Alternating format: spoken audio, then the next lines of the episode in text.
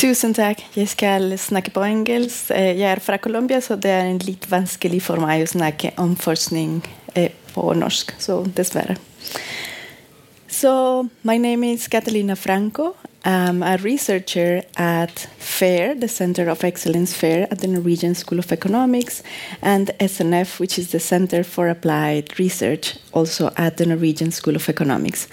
And one of my topics of interest is stress and exam performance, specifically gender differences in this dimension.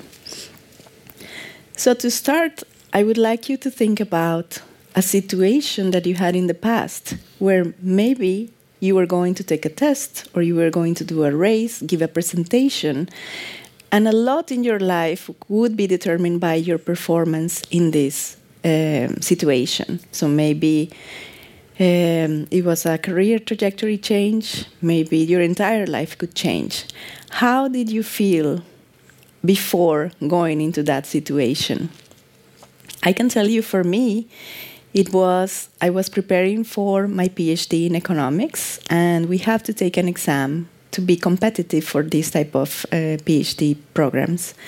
And you know that if you don't score above the 95th percentile, that is at the very, very top, you may not get a chance at the best schools, at least in the US.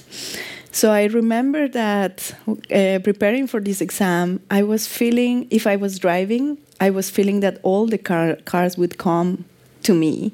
I was feeling this type of stress all the time, even when I was not preparing for the test. And I'm, I'm honestly not as um, a stressed person, a nervous person, but this type of thinking that my whole life, my whole career will be determined by this test was a lot to deal with. So, of course, this type of situations are characterized by high stakes. A lot is at stake when you are going into these situations, and that can generate high pressure.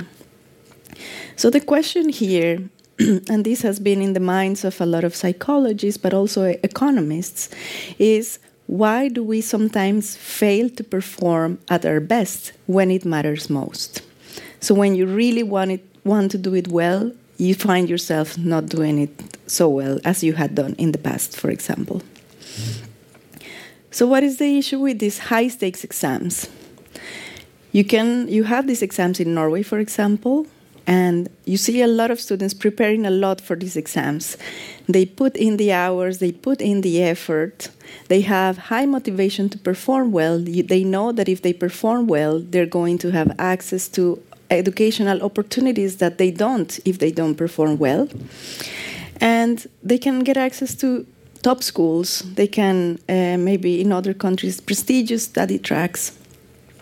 It can be very consequential for their future not only educational opportunities but also economic opportunities. What kind of job they're going to get later on in life.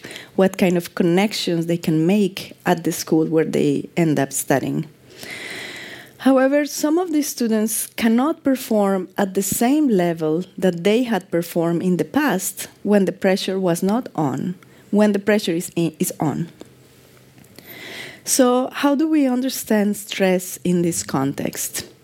There's uh, an already defined term called choking under pressure. This is coming from the psychology literature, and I'm using the definition of Beilock.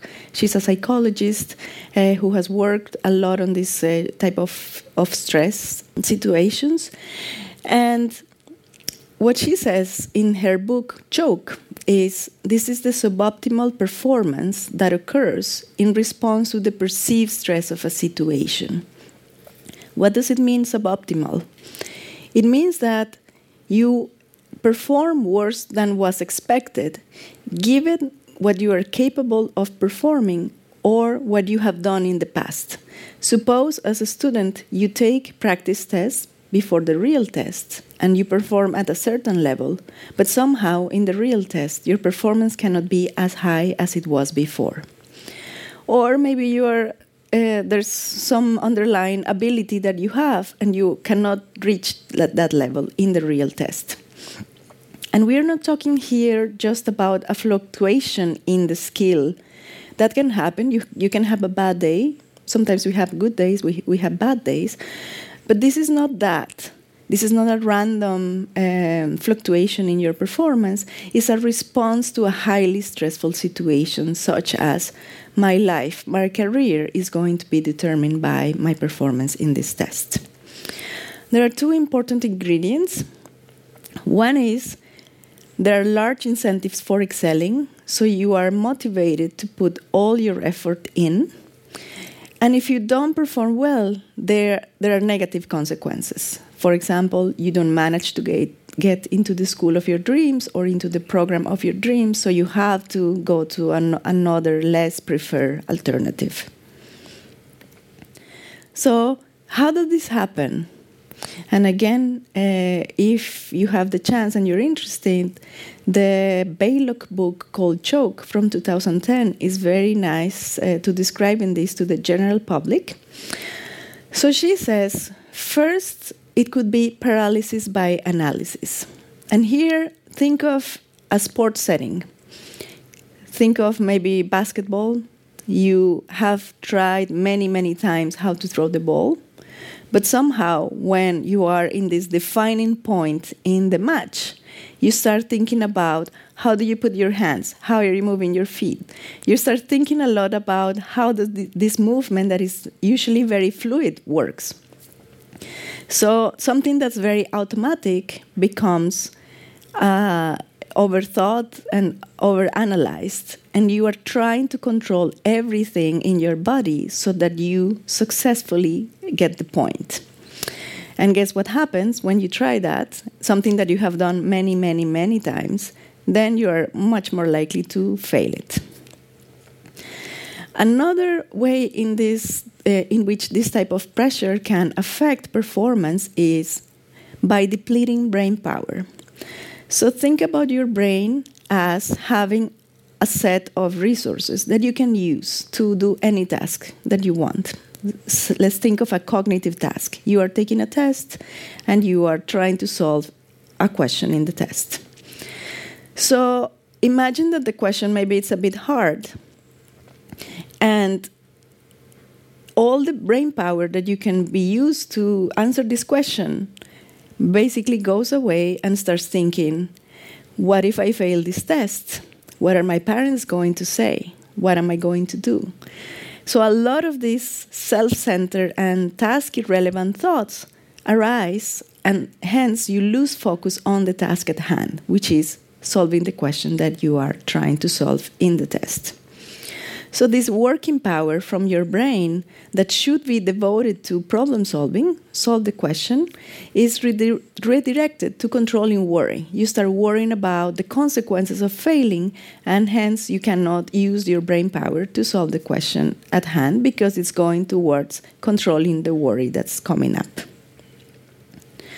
So, here it's important to introduce this concept of working memory because this is the exactly what the definition of choking is talking about. So, this is a core cognitive function. And what it does is allowing us to keep information in the mind temporarily and then work with this information. So you may have a lot of things in your mind, but working memory is going to allow to keep some facts in mind while you are reading the rest of the question, for example. So, what we know from previous research is that this working memory is fragile, it's not always constant or is not always av available in the same way. You can only keep track of a few pieces of information at the same time. You cannot remember everything at the same time. It can fade away within seconds. For example, in what I was saying before about you start worrying about the negative consequences of performing badly in this test, it goes away, the information that you were using to uh, work on the question at hand, and can be pushed out by distracting stimuli, for example, these worryings that can arise in a test. What's interesting is that it's been shown that it predicts school performance. So people with high working memory can perform much better in school and it can account for 50 to 70% of differences in abstract, abstract reasoning ability. So, this seems to be one of the core uh, functions of the brain to explain differences in academic performance. And then the question is I started the talk saying uh, this is something about gender. Why do we think choking under pressure may differentially affect men and women? Well, we know from uh, self reported uh, surveys that women tend to express higher levels of academic anxiety, not only in math, but in other, in, related to tests more in general. So women tend to feel more anxious about these academic situations. Then uh, an, an interesting report from the OECD in 2018 that asked these students, 15 year old students around the world who take these PISA tests, uh, about fear of failure. And they find that women or girls report a much higher fear of failure than boys. And fear of failure means that if you don't perform well in these academic settings, hence you fail, you're going to be worrying about the consequences of this failure. The, another OECD report also says that students with high motivation, and remember in this choking under pressure definition, motivation was important because this is the highly motivated students, the, the ones that may be more at risk of choking under pressure. So, those who have high motivation to achieve also tend to be those who feel anxious about taking a test, even if they are well prepared for it. That's the other ingredient that we mentioned before. Students put in the hours, they put in the effort, they are highly motivated, and somehow this combination is what makes them fail in the end. In the PISA 2012 test, so PISA does these tests across many countries in the world regularly, or sorry, the OECD the, does the PISA tests um, every, I think it's every year. From the 2012 version, girls in all the countries that were tested, these are many, many countries, but only not in nine countries, reported higher anxiety towards math than boys. So, all over the world, except in a few places, girls have higher math anxiety than boys. And this greater math anxiety is correlated with a decline in 34 score points in this PISA test, which is equivalent to almost a school of year, uh, a year of school, one year of school. So the performance that women are not uh, gaining by being anxious is equivalent to being basically one year below in school relative to boys. So this is important. So, what do we know about gender differences in this type of high stakes, high pressure exams? So, one recent paper from China shows that women's performance declines when the stakes are high. How do they do this? In China, uh, to get access to college, you need to take a college entrance exam. This is a big deal in China. You can see, you can imagine that there are millions of students who are preparing for these tests and who are taking this test every year to get access to college in China. This is the only way to get admission into college, your performance in this test. So, this is where the stakes are high. Basically, no matter how much effort you put in for many years in school, what matters for admissions to college is your performance in one test, the Gaokao exam. So, what this, um, because it's a big deal, a lot of um, municipalities or administ- the administration in China, they do a mock test about two months before the real Gaokao exam. So, what the researchers did was use one of these mock tests to measure what was the performance of boy and, boys and girls two months before the real test, and then see how this performance compares to the performance in the real Gaokao exam two months later. What do they find? Well, relative to the performance in the mock test, women's performance declines by 0.15 standard deviations relative to the mock exam in the Gaokao exam. That's a big change. For men, the change was not much. If anything, it would the performance between the real exam and the mock test went up by a little bit for, for the boys. And something that was very interesting is that there are certain cutoffs to get access to better schools in China. Uh, specifically, for example, tier one and tier two schools, these are the top, top schools in China. When women were into, closer to the cutoffs that would lead them access to these higher tier universities, the decline in performance was bigger. It was not 0.15 standard deviations, it was 0.3 standard deviations. So it was twice as big. So when the pressure of maybe having the chance of getting into a better school is on, meaning you are close, you are performing close to one of these cutoffs, the decline in performance is much larger. This suggests that this, the pressure story, this choking under pressure story, may be behind the female underperformance in high stakes exams. So, what happens, uh, for example, among admissions to a tier one university, the gap increases by 15%, gender gap in admissions increases by 15% relative to what would have been the gap if the the scores that were used for admissions would be those used uh, from the mock, mock exam. So basically, pressure increases the gap in getting access to high uh, educational opportunities, such as getting access to these um, important universities in China. So, what is the difference between the low stakes and high stakes? Usually, when we talk about low stakes, we are talking about exams that don't really count, for example, in the final grade, or a mock test that is not really going to count for anything other than just to know your, how well you are performing. So, what uh, we know from the economics literature is that women outperform men in less competitive low stakes tests for example, women tend to have higher GPAs or higher high school grades than men. But when it comes to these more competitive, higher stakes tests, women perform worse. In fact, sometimes the gap reverses by men outperforming women.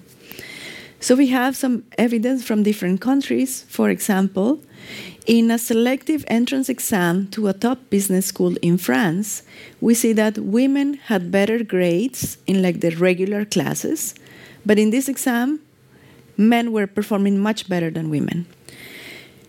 In Spain, we have different stakes measured by what's the weight of an exam in the final grade. So the low stakes would be exams, for example, that are uh, that are worth five percent of the grade. But when the final comes, and that is 30% of the grade, we see that women and men are performing the same, but before in these other 5% uh, worth exams, women were per performing much better than, than the men. And also in Spain, we see that they have some uh, math competitions, and you see that the higher the round in the competition, for example, the first round is like a more basic round, this, then the second round is a more um, demanding round. When women go from one round to the next, a more competitive round, basically they perform worse than the men who and they were performing the same in the beginning. So we have now a lot of evidence from different countries that this is a widespread phenomenon. This is not only in China because it's a very particular country, this is something that's happening in many places around the world. And of course, you cannot observe choking under pressure directly, but all of these studies conclude that the most likely reason for this underperformance is the differential response to pressure by women than by men. You can think now, well, maybe this gender gap in performance could be due to other things. What could be these other things? Some people, the first thing that they would come to their minds would be, well, maybe this is difference in underlying ability. For example, maybe men tend to be smarter than women for biological reasons, let's say. So, in particular, the high performing men or male students may have higher ability than, than the high performing female students. And let's think for a moment about that. Maybe you remember from when you were in school who were the bright students? Who would you thought the, the bright students were? A lot of people would think that maybe men were or boys were the, the brightest students. Maybe they were the ones who were speaking up more in class. They seemed more confident when they were asking a question or answering some question. Maybe they were going on the board uh, in a math class and they were much likely higher, uh, having the right answer in front of everyone.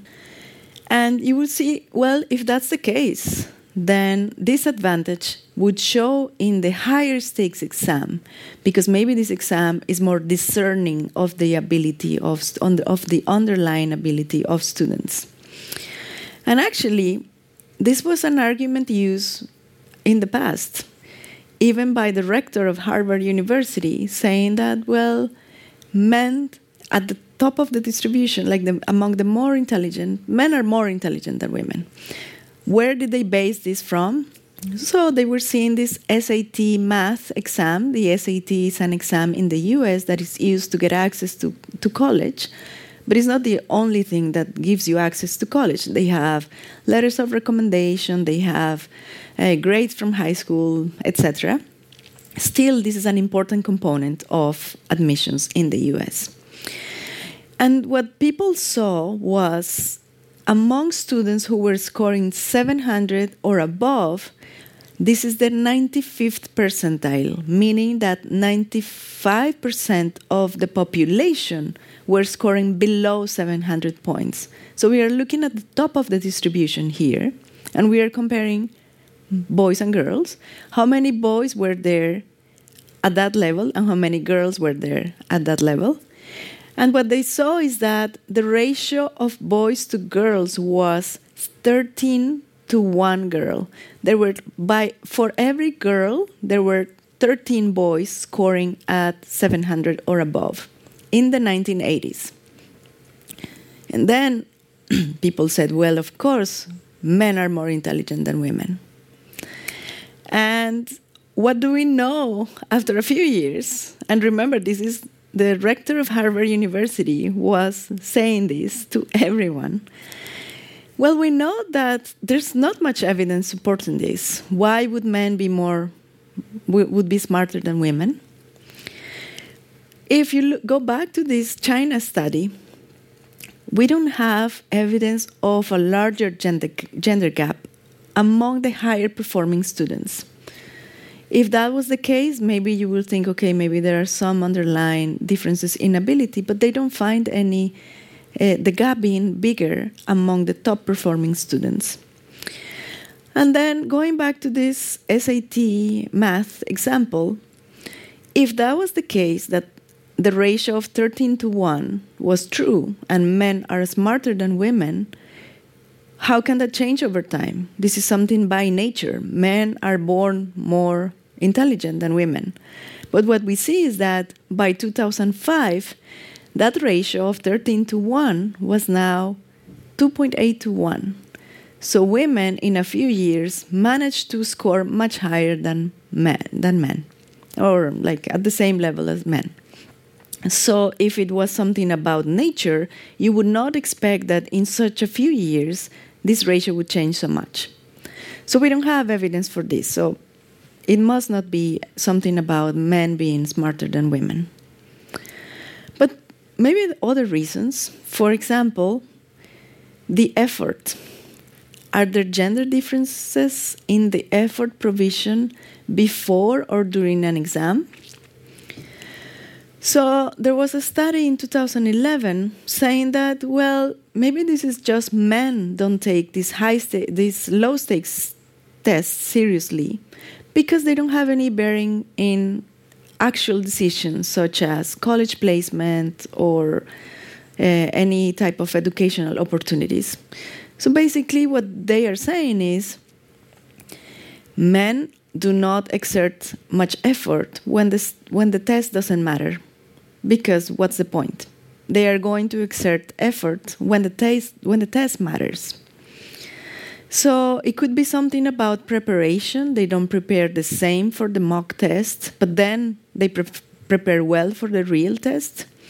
Or maybe it could be that both men and women have the same level of preparation, but men just choose to exert less effort in the mock test because it doesn't really count. So, what do we know from research about this? It is really hard to disentangle these different explanations. We do have some evidence in support of this. So, in the Gaokao exam, the paper from China, they did a survey of the students taking the mock exam about the mock exam and about the real Gaokao test. And they asked them questions, for example, how many hours did they study, uh, how did they study, etc. And they find that there were no differences between men and women in how they prepare for the exam or the self reported levels of effort during the exam. So, from that paper, we say, well, this is unlikely to be an explanation.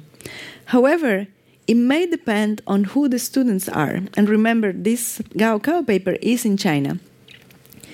So, the, this next paper uh, by a um, group of economists finds that US students, but not Chinese students, improve the performance in the PISA test when they are given an incentive. And remember, the PISA test is a low stakes test. Basically, the OECD administers this test every year in many countries, but the actual result in the test doesn't matter for anything. So, what are the incentives of students to perform well? What's interesting is that in uh, the schools in Shanghai, where they gave these monetary incentives to students, so basically they go to the classroom and they say, We're going to pay you this much if you perform, if you improve your performance in this test. And they do that in China and they do that in, the, in some schools in the US. And what they find is that the Chinese students were already performing at their max. So no external incentive would help them improve performance. But in the US, they find that actually students perform better when they are paid to perform better, meaning that maybe this explanation of the effort is could could be partially there not for the Chinese students. And remember, the first paper is about the Gaokao exam in China, but for other students who may not have the intrinsic motivation, enough intrinsic motivation, having some sort of external incentive in a low stakes test can help them improve performance. They do not mention anything about gender in this paper, so we don't know if this was differential by gender. My guess is that it wasn't, and that's why they don't um, I don't think they, they find any gender differences here. Yet, another reason maybe this is something about the expe expectations of society and of parents that are different for boys and girls. Or maybe this is something about the returns on the labor market for a woman having an education than for a man having an education the, you know that there's a gender gap uh, in salaries or in wages, uh, and maybe this is something reflecting that women not ex expect not to be, be, paid as well as men, and that's why maybe they don't uh, perform so well in these type of tests. There could be uh, differences in what men and women are expected from parents. For example, uh, if men fail maybe they are given more chances to retake an exam, to try again. But maybe we hold girls to a different standard, which is you are nice, you have to be nice, you have to be perfect, you don't fail. And over time, if we raise our kids in this way, there may be uh, important differences by the time they reach 15 or 18 years old and they are taking these exams.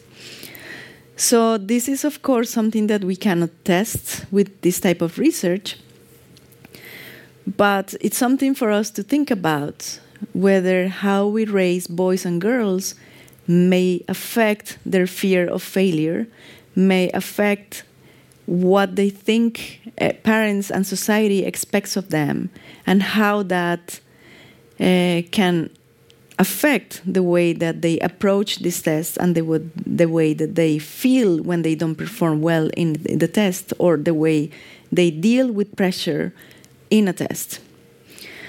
So,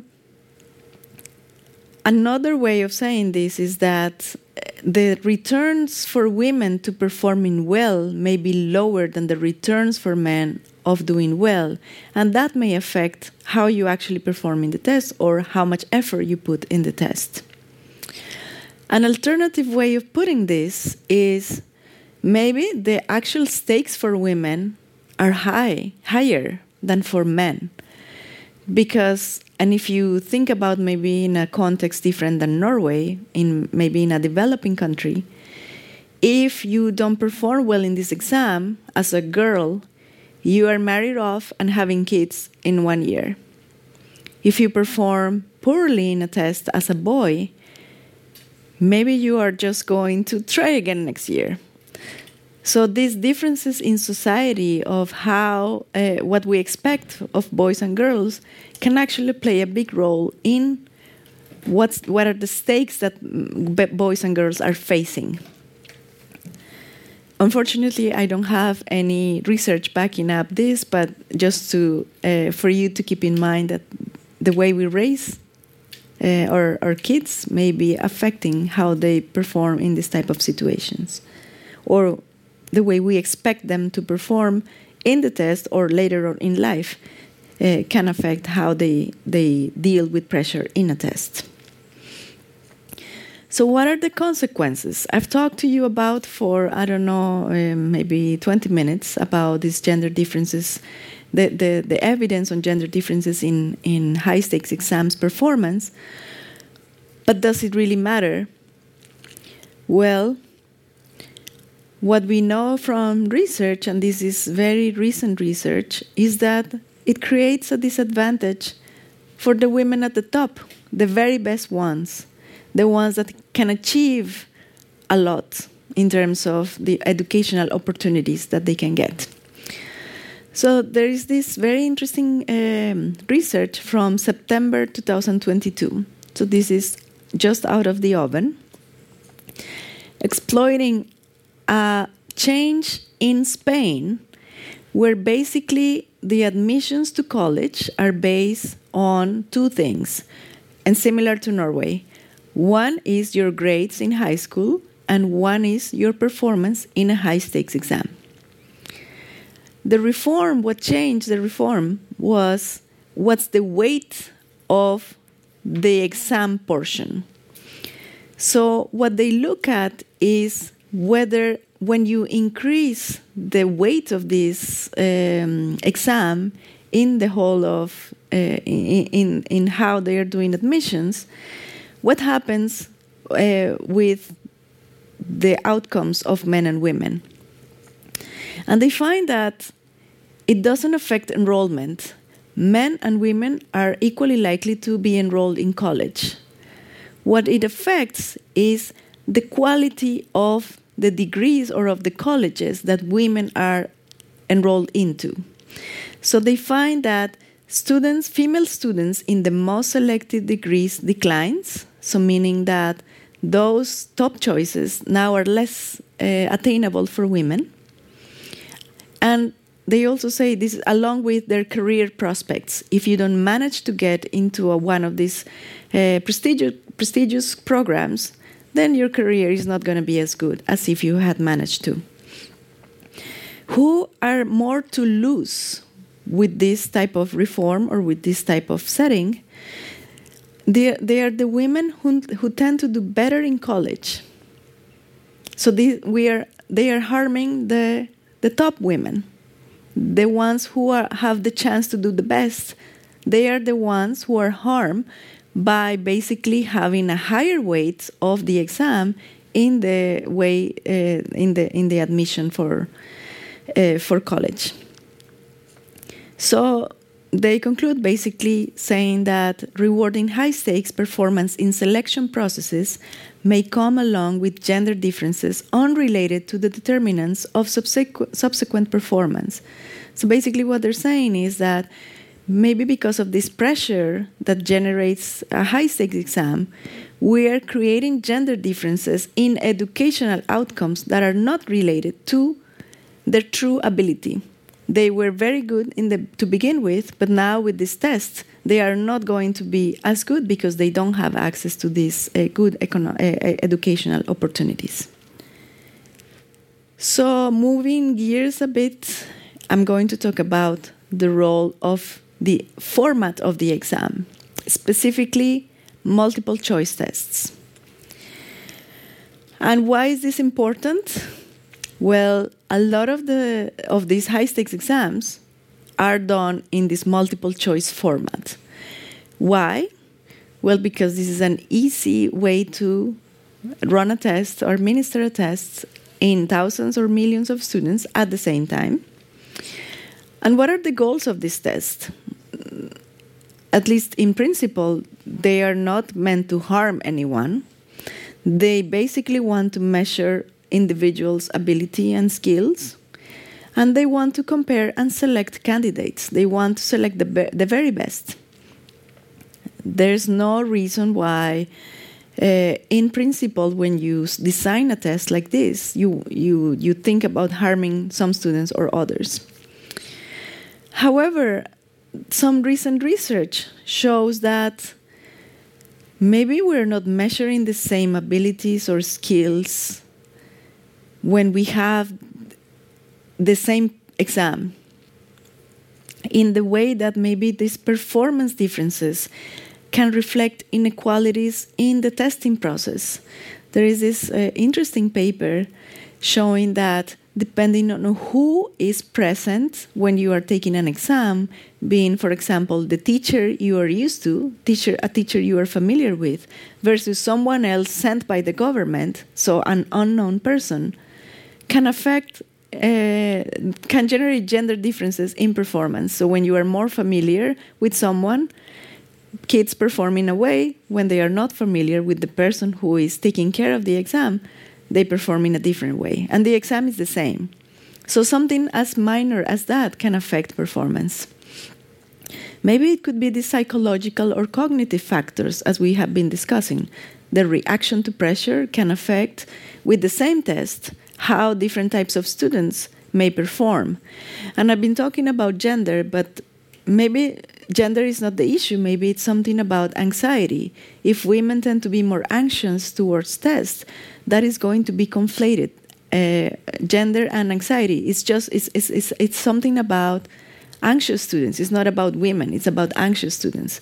We don't know that yet, but maybe that's a potentially what's going on here. This is the response to stress that anxious students cannot deal very well with in a test, and it happens to be that more women are anxious students.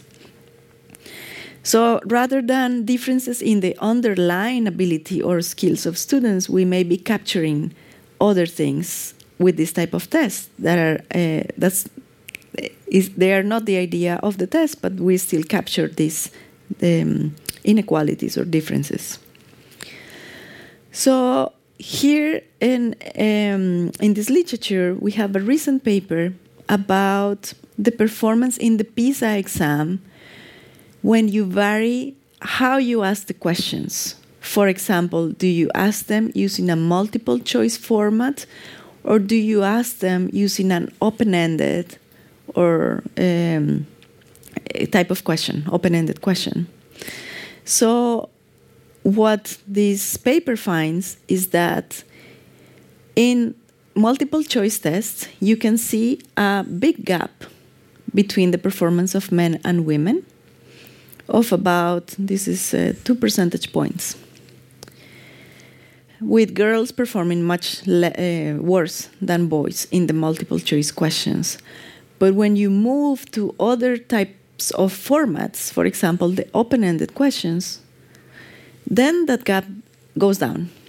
So the same questions asked in two different ways can change the gender gap in the math performance in the PISA test. Other factors may also matter. And there's a large literature now finding that women tend to skip more questions in multiple choice tests. What is skipping? Is basically I go to the test, I see a question that maybe I don't know, I'm not sure of the answer. Suppose that if I get it wrong, I get a penalty for answering it wrong instead of getting one point if I answer it right, I get subtracted 0.15, 0.25 points if I get it wrong. So I have to really think should I answer this question or not? I'm not sure of the answer. If I get it wrong, I get a subtract. my score goes down. If I get it right, of course it goes up. But there's a risk involved in this in this um, decision. So uh, the previous research finds that there's a lower willingness of women to guess in questions that have penalties when you get it wrong. So, if there's this threat that your score is going to go down, basically what women do is leave it unanswered, skip the question, they don't answer. More than men. And this guessing can depend on risk aversion, meaning if you are very averse to risk, and this is of course a risky situation, there has been there has been a research in economics and psychology showing that women are more risk averse than men. If that is the case, then women will leave more questions unanswered in the test. Hence, their scores are going to be lower. It could also be self confidence. And there's also research showing that men tend to be more confident than women. This is a risky situation. I don't know which is the right answer, but I, I think that maybe it's A or maybe it's B. And I, if I'm self confident, I'm going to say, okay, I'll just do it. If I'm not confident, then I will be, well, maybe I'll just skip it because the risk is too high and I, I don't have the confidence to uh, to mark some answer.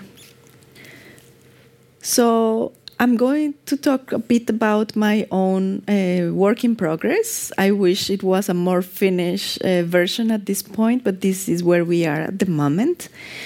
And what we're trying to do here is basically can we replicate these behaviors in an economics lab in a more artificial, contrived, but controlled setting so that we can know what is it what what's going on. Is this something about maybe women are they don't they don't have the confidence and or maybe is it something about um, the difficulty of the questions and maybe you don't manage time well? Maybe there are differences in how men and women manage time in a test so uh, the project that I'm going to talk about is joined with Ingvild Skarpeid. He's a, she's a PhD student at NHH, and she's about to finish uh, her, her degree. So we basically designed this experiment to do two, two things. The first one is whether and how choking takes, takes place in this more controlled environment. And we want to assess the role of time allocation, how do they move through the test, and confidence. And here we're using two competing hypotheses in economics. One is the more standard, which is called the neoclassical hypothesis, which is basically saying if you increase the stakes and think about the stakes here as monetary stakes, you get more money for every correct question that you get. For example, if you increase the stakes, people are going to increase effort because they want to get this money, so they want to get the question right. And that is going to increase performance. The opposing hypothesis is the more psychological hypothesis, the choking under pressure that we have been, talk- been talking about, which is I increase the stakes, people are going to exert more effort.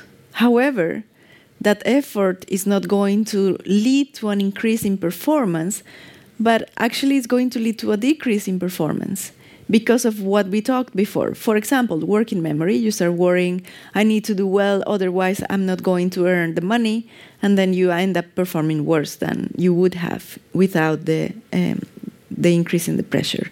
So the idea here is to try to increase the pressure and see if we can replicate this phenomenon of underperformance and whether we can see a gender differences gender difference in underperformance.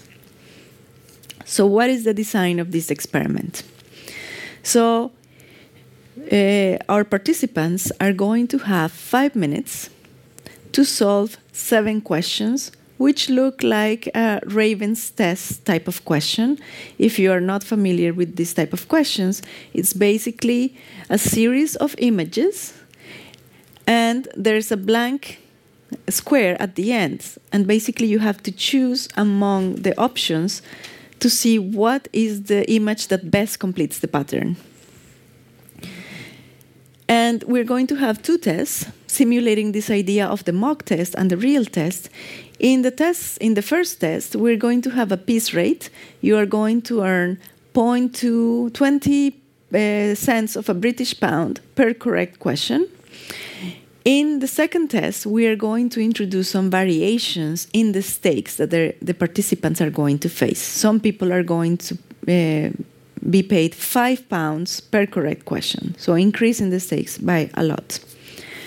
And we're going to have a fixed order of the questions, which is first question is medium difficulty, the second one is hard, third one easy, uh, sorry, medium, fourth easy, medium, hard, easy and the structure of the test is going to be the same uh, in both tests. They don't know that, but that's the, the structure that they that they they will follow. So, what are these uh, treatments, as we call it in economics, that we introduce? So, first, we're going to have a pure control. Basically, they don't have any increase in the stakes. They're going to earn 0.2 British pounds per correct question and they're they're basically going to do the same test twice with different questions. They don't have they don't experience any change from test one and test two, except that the questions are going to be different. Then the the second treatment is we introduce a cutoff, and a cutoff means you're going to get the 0.2 British pounds per correct question if you manage to solve five questions correctly. If you don't, you get zero. So, this is the idea that there may be some cutoffs that people have to go above in order to get a reward, like in the Gaokao exam, as we uh, talked about before. In the third t- treatment, besides adding this cutoff, we are going to increase the, ex- the stakes. Now, instead of getting 0.2 British pounds per correct question, correct answer, you're going to get 5 British pounds per correct answer, meaning that if you manage to get 5, you're going to get 25 British pounds for work in 4 minutes. So that's a pretty good deal for the people who are our participants. And then the last one is very similar, except that we are going to show this structure of difficulty. This is a hard question, this is a medium question, this is an easy question, because we think, well, maybe sometimes when the stakes are high and you are facing a question that seems easy, you, you start second guessing yourself. This cannot be that easy. This exam is hard. The question cannot be that easy. But if someone tells you this is an easy question, then you can, okay, check, move on to the next. So we have a sample of about a thousand workers in a platform that's called Prolific. This is an online marketplace where you can hire workers to do some tasks, for example, these type of Raven test uh, exercises, and people get paid uh, for that. So, what are very quickly what are our results? So remember, two of the key components of choking are stress and motivation. Do we manage to increase both of them? So basically, we have the control treatment we don't expect anything to happen, right? Because basically they are just doing the same uh, two times. And in these plots, what we have is did stress increase in test 2 relative to test 1? And what we see is that in all of the uh, three treatments, stress increase, especially in the in the treatment where we pay five pounds per correct question. Those two treatments, stress goes up by a lot. It doesn't look like it goes up differentially by men and women, only a bit in the in the treatment where they know the structure of difficulty. It seems that women are having a higher level of stress than men. So at least in this sample, we managed to increase stress, but not so much differentially for men and women. What about motivation in test 2 relative to test 1? That also increases only not in the treatment where we add the cutoff, but we don't change the payment. So this is now basically you have to work harder to earn the same. So that, of course, doesn't increase motivation. So that makes a lot of sense. But for the uh, treatments where we pay five pounds per correct answer, we see an increase in motivation. So it seems that we have the perfect combination of uh, features that would lead to choking under pressure. Do we see a change in performance between test 2 and test 1? Well, not so much. Basically, the performance of, of men and women goes down by a bit when the pay is five pounds per correct question, but it doesn't change very much relative to the performance of test one. Do we manage to make them miss the cutoff, meaning they don't get five, at least five questions correct? And that we're a bit more successful with. In the control group, about 65 to 70% of the participants were missing the cutoff, meaning they don't reach uh, five questions correct in the second test.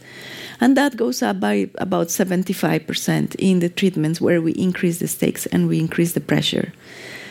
S what is very interesting is that you don't see large differences between men and women here in this control setting, it seems that yes, we are inducing some sort of choking under pressure, but it doesn't seem to affect differentially men and women. We also want to take a look at time use. Uh, and here we basically plot how many seconds they spent in each of the questions for each of the four treatments for men and for women. And there's not nothing very uh, striking here other than maybe men are spending less time in the hard question question number 2 and women are spending more time in the medium questions for example question number 3 and number uh, 5 uh, 4 sorry 5 so it does seem that men and women use time differently. However it doesn't mean that they are performing too differently in this setting. So, what do we learn or what have we learned so far with this experiment? We can see that this choking behavior can appear in an online anonymous setting. So, these workers are working from their own homes, they don't know each other. And we see that the high stakes can harm. We can increase the fraction of people who don't make the cutoff we were thinking that having this information about the difficulty of the task could help. And in fact, it doesn't. So that is very interesting. Maybe an easy way to uh, alleviate some of the stress in a test would be to say, this is an easy question, this is a hard question, this is a medium question. It doesn't seem to be the case that that helps to uh, improve performance. And what's most puzzling for us right now is that we don't see a gender effect. And what we don't know at this point is it is it whether is it because in this this type of workers are different from the students in China and from the students in all of the other places that I mentioned before. So is it because it's a very special sample, or is it because the women women are going to perform worse if the stakes were higher? As we were saying before, maybe women are facing higher stakes for the same test if the threat is that basically they are going to get married and have kids, whereas the boys can have a much uh, easier life if they fail. So this is a work in progress, as I mentioned. So uh, we'll hear more about it hopefully when we try to f- figure out what's going on. So some final thoughts. Uh, does anything work to reduce gender gaps in performance? So something that's been that's very obvious and very easy to implement is well remove penalties for wrong questions in an exam. So, as I said before, there are large gender gaps in skipping questions, and this is specifically the case among high performing students. Girls who are very good are much more likely to skip questions, to leave questions unanswered, than girls that are not so not at that level of performance.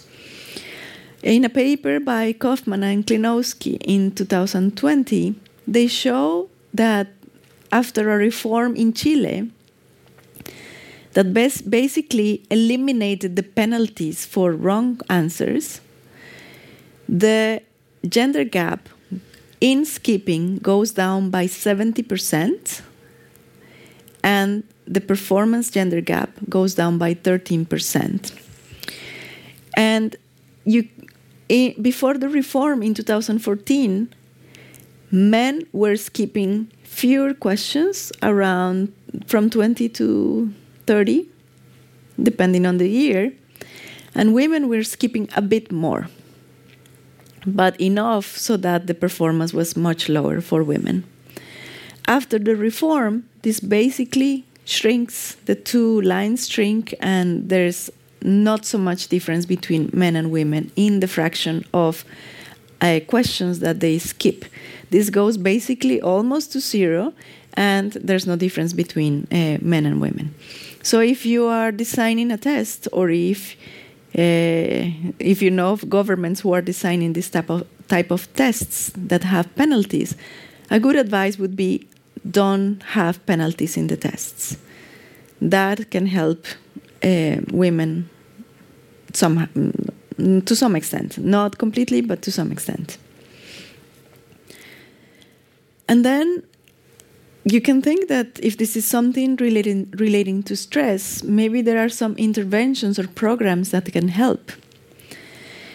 And um, once one point that is not here is that the, research by Beilock, the woman who wrote this choke book, Beilock and Ramirez in 2014, they do this psychological intervention where right before the test, they dedicate 10 minutes and they ask students to write about your worries.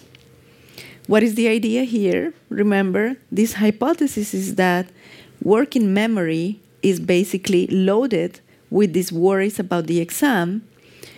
Once you verbalize the worries, writing them down, basically you empty your working memory so that you can use that for the performance in the task at hand, which is the test. So they found this to be effective. The problem with a lot of the psychology studies and some of the economic studies is that they have very few participants. So in, in my study that I showed before, we have a thousand, and even with that, it's sometimes it's hard to tell differences by gender. In the study by the psychologists Beilock and Ramirez, they have uh, 50 students or 100 students, very few students. This study has been replicated, and it doesn't replicate all of the time, but it does seem that doing this writing exercise can be promising. So if you are if you know that you're stressed and you know that maybe you will be trapped by these thoughts, ruminating thoughts during the test, maybe take a few minutes to write before the test about what makes you worried. That can help. There has been a, a series of interventions talking about stress mindset and stress management. Stress mindset basically is how do you interpret stress? How do you interpret maybe having um, sweaty hands or your heart racing? Do you interpret this as a bad thing, something that is going to harm your performance? Or do you interpret this as when I feel this, I'm ready, I'm ready to perform? So when you can change this mindset of interpreting these bodily signals as something that is going to hurt me, and instead you think of it as something that is re- you is you're ready to perform, that can change how you actually perform. So the um, again, some psychologists did this study in the U.S. among disadvantaged uh, students, students from disadvantaged backgrounds, and what they find is that not necessarily that performance increase when they have this type of interventions, stress management and stress mindset interventions, but that there was no relationship between the stress that the students feel during the exam week and the actual performance in the test. So they managed to uh, break them into two different pieces. It, it's not going from stress to performance, but they are not correlated uh, in, in, in anymore. There's a, also a recent paper by Lea Cassar and co authors in economics where she provides a mindfulness meditation course to some students and she sees whether they, the performance improves or not in the short run and in the long run. Short run meaning, do my grades this semester improve? The same semester that I'm taking this uh, mindfulness meditation course, and do my grades after in later semesters improve? And what they find is that this type of course uh, makes students perform worse in the current semester, but later on they perform better. So the mechanisms are not very clear. It may be that because you are taking time to do these meditations, you are studying less, and then hence your performance this semester is worse. But once you incorporate them, internalize it into your life, that can help you in the long run. So there's more to come. I'm working on on some uh, interventions as well uh, in Colombia, which is my native country. So stay tuned. There's more to to know about this, and I hope this at least triggers some interest in the topic. So thank you very much. Mm.